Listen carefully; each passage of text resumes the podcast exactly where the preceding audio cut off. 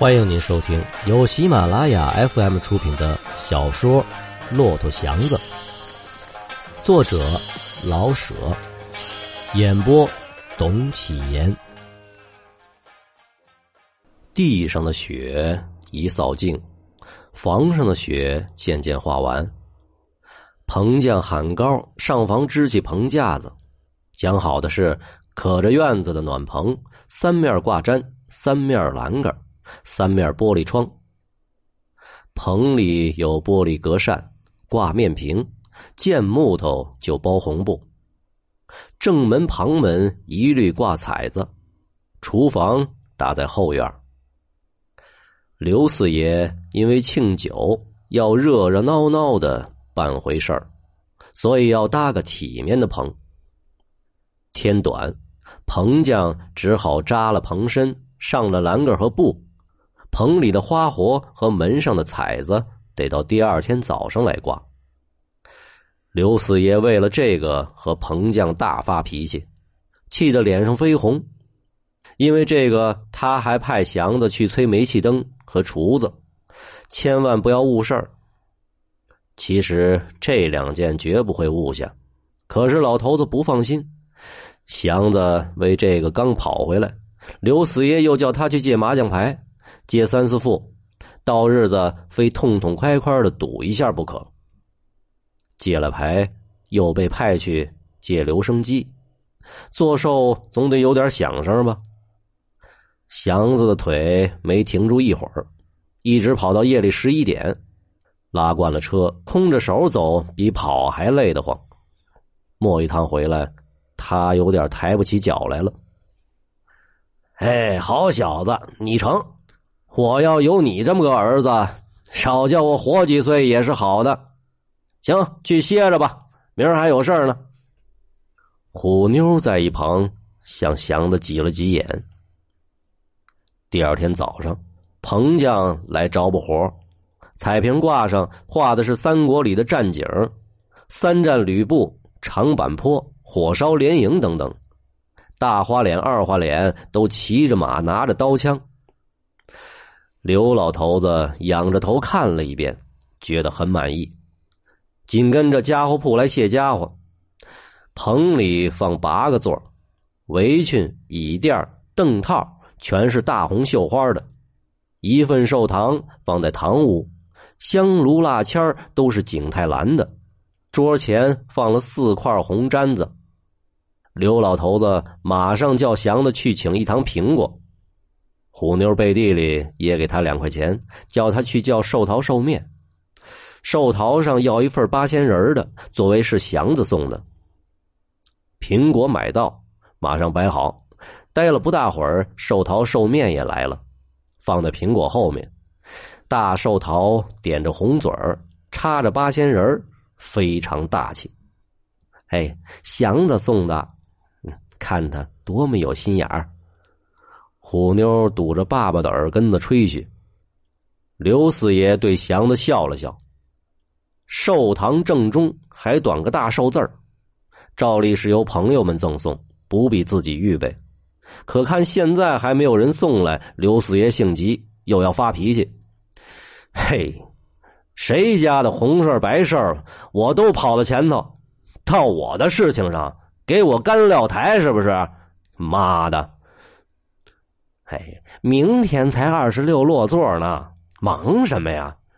虎妞喊着劝慰他：“我愿意一下子全摆上，这么零零碎碎的，看着揪心。”哎，我说祥子，呃，水月灯今天就得安好啊，要是过四点还不来，我剐了他们。哎，祥子，你再去催催。虎妞故意的，总在爸爸面前喊祥子做事儿。祥子一声不出，把话听明白了就走。嗨，也不是我说，老爷子，他咧着点嘴说：“要是有儿子呀，不像我就得像祥子。可惜我投错了胎。其实有祥子这么个干儿子也不坏吧？你看他，一天连个屁也不放，可是把事儿都做了。”刘四爷没搭茬，想了想。话匣子呢？唱唱。不知道由哪里借来的破留声机，每一个声音都像踩了猫尾巴似的，叫的钻心。可刘四爷不在乎，只要有点声响就好。到了下午，一切全都齐备了，只等次日厨子来落座。刘四爷四处巡视了一番，处处是花红柳绿啊，自己点了点头。当晚，他请了天顺煤铺的先生给管账。先生姓冯，山西人，管账是最仔细。冯先生马上过来看了看，叫祥子去买两份红账本和一张顺红纸，把红纸裁开，他写了些寿字贴在各处。刘四爷觉得冯先生真是心细，当时要再约两手，和冯先生打几圈麻将。冯先生知道刘四爷的厉害，没敢接茬牌没打成，刘四爷挂了点气，来找几个车夫：“嘿，开宝。”你们有胆子没有？大家其实都愿意来，可是没胆子和刘四爷来。谁不知道他从前是开过宝局的呀？嘿，你们这群玩意儿怎么活过来的呀？四爷发了脾气。我在你们这么大岁数的时候，兜里没一个小子儿也敢来，输了再说。来，来铜子儿的。一个车夫试着步问：“我刘四不哄孩子玩，留着你那铜子儿吧。”老头子一口吞了一杯茶，摸了摸秃脑袋：“哎，算了算了，请我来也不来了。我说，你们去告诉大伙儿，明儿个落座，晚半天就有亲友来，四点以前都给我收车，不能出了进去的拉着车乱挤。”明天的车份不要了，四点收车啊！白叫你们拉一天车，心里啊，都给我多念叨点吉祥话，别没良心啊！后天正日子，谁也不准拉车。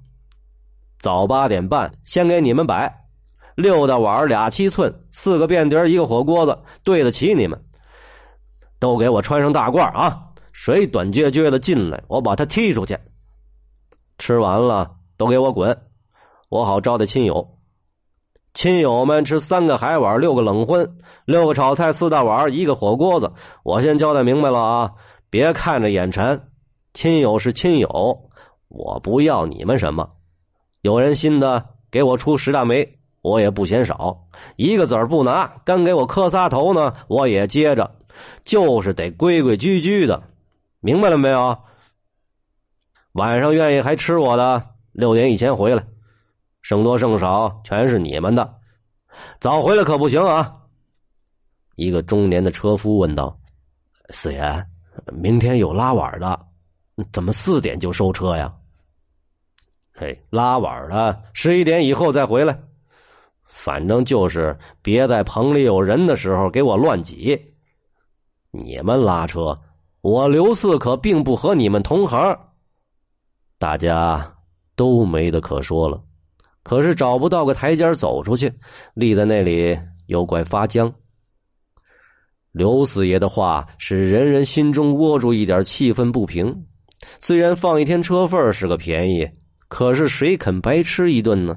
至少还不得出个四十铜子的礼？况且刘四的话是那么难听，仿佛他办寿，大家就得老鼠似的躲起来。再说。正日子二十七不准大家出车，可正赶上年底下有买卖的时候啊！刘四牺牲得起一天的收入，大家陪着泡一天，可真的受不住啊！大家敢怒不敢言的站在那儿，心中并没给刘四爷念着吉祥话。虎妞扯着祥子一下，祥子跟他走出来。这时候，大家的怒气仿佛忽然找到了出路。都瞪着祥子的后影。这两天，大家都觉得祥子是刘家的走狗，死命的巴结，任劳任怨的当碎催。祥子可是一点也不知道这个，帮助刘家做事儿，他是为了支走心中的烦恼。晚上没话和大家说，那是因为本来就没话可说。大伙儿不知道他的委屈，而以为他是巴结上了刘四爷，所以不屑于和他们交谈。虎妞的照应祥子，在大家心中特别的发着点酸味想到目前的事儿，刘四爷不准他们在喜棚里来往，可是祥子一定可以吃一整天好的。同是拉车的，为什么有三六九等呢？瞧瞧，瞧瞧，刘姑娘又把祥子叫出去。大家的眼跟着祥子，腿也想动，都搭讪着走出来。刘姑娘正和祥子在煤气灯下说话，大家彼此点了点头。刘家的事儿办得很热闹，刘四爷很满意。有这么多人来给他磕头祝寿，更足以自傲的是，许多老朋友也赶来祝贺。由这些老友，他看出自己这场事儿不但办得热闹，而且是改良。那些老友的穿戴已经落伍了，而四爷的皮袍马褂都是新做的。以职业说，有好几位朋友，那在当年都比他阔，可是现在。经过这二三十年的变迁，已经是越混越低，有的已很难吃上饱饭了。看着他们，再看看自己的喜棚、寿堂，画着长板坡的挂屏，约三个海碗的席面，他觉得自己确实高出他们一头。因为改了粮，连赌钱他都预备下麻将牌，比押宝就透着文雅了许多。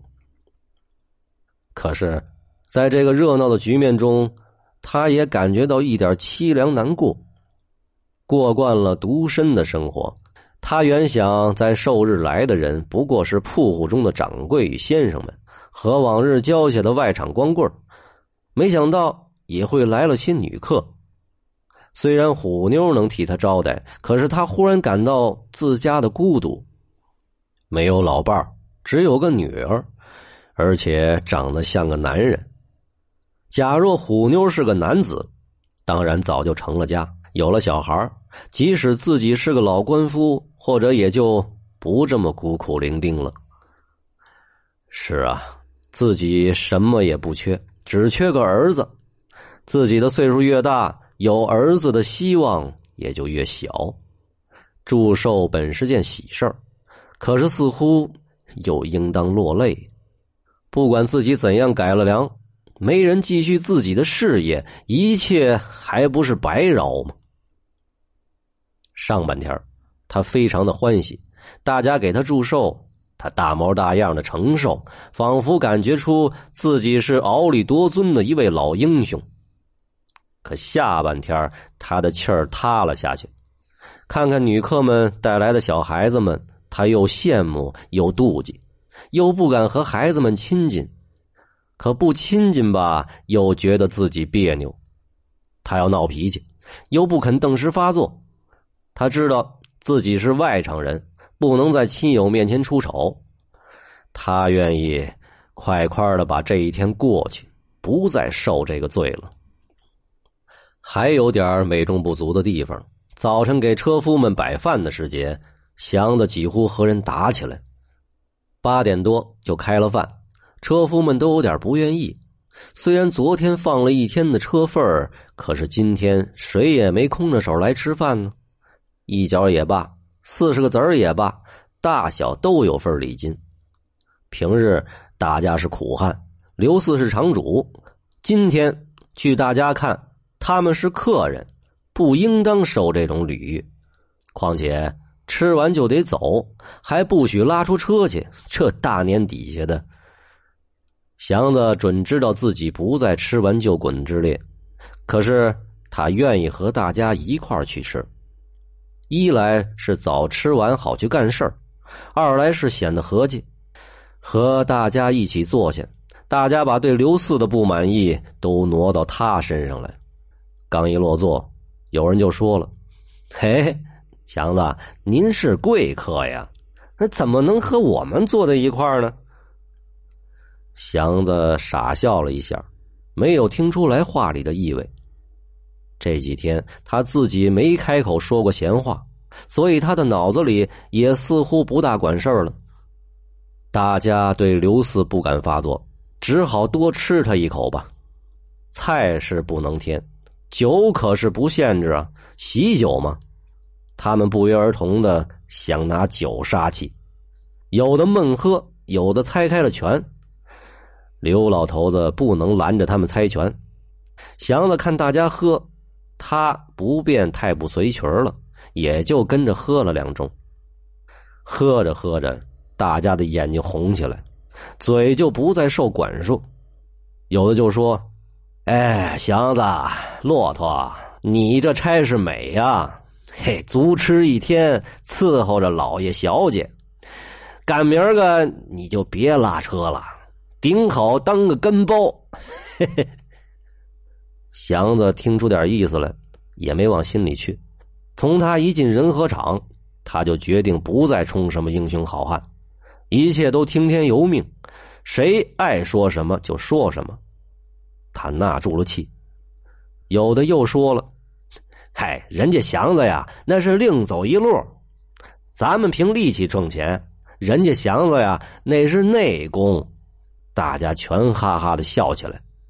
祥子觉出大家是咬他，但是那么大的委屈都受了，何必管这几句闲话呢？他没有出声，邻桌的人看出便宜来，有的伸着脖子叫：“嘿，祥子，赶明儿你当了场主，别忘了哥们儿啊！”祥子还没言语，本桌上的人又说了：“嘿，说话呀，骆驼！”祥子的脸红起来，低声说了句：“我怎么能当得了场主？”“嘿，你怎么就不能呢？”眼看着就咚咚擦了，祥子没绕得过来，咚咚擦是什么个意思？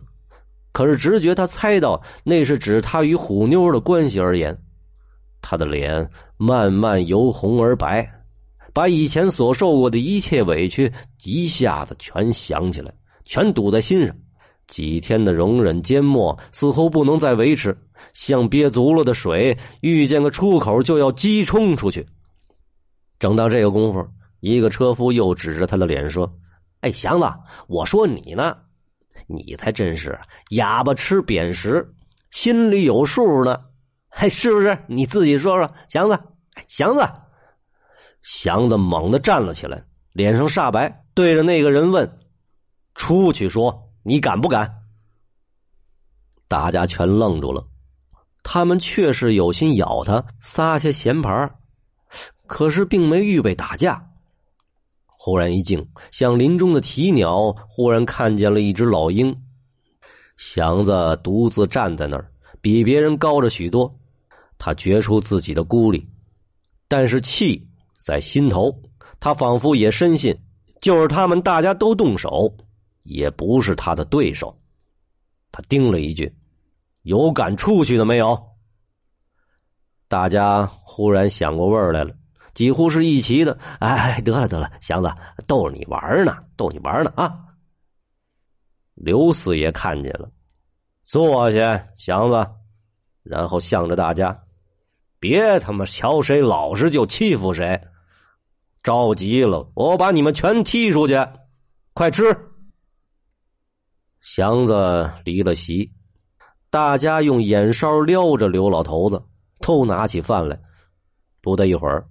又叽叽喳喳的说起来。祥子在门口蹲了半天，等着他们。假若他们之中有敢再说闲话的，揍！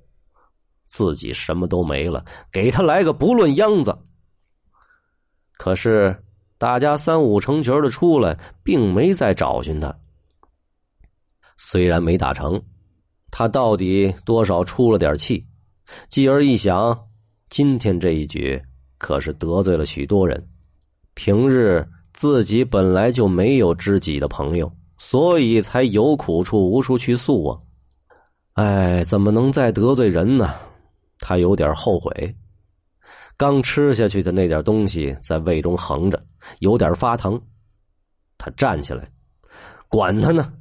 人家那三天两头打架闹饥荒的，不也活得怪有趣的吗？老实规矩就一定有好处吗？这么一想，他心中给自己另画了一条出路。在这条路上的祥子与以前他所希望的完全不同了。这是个见人就交朋友，而处处占便宜，喝别人的茶，吸别人的烟，借了钱不还，见汽车不躲，是个地方就撒尿，成天就和巡警们耍骨头，拉到区里去住两三天不算什么。是的，这样的车夫也活着，也快乐。至少是比祥子快乐。好吧，老实、规矩、要强，既然都没用，变成这样的无赖也不错。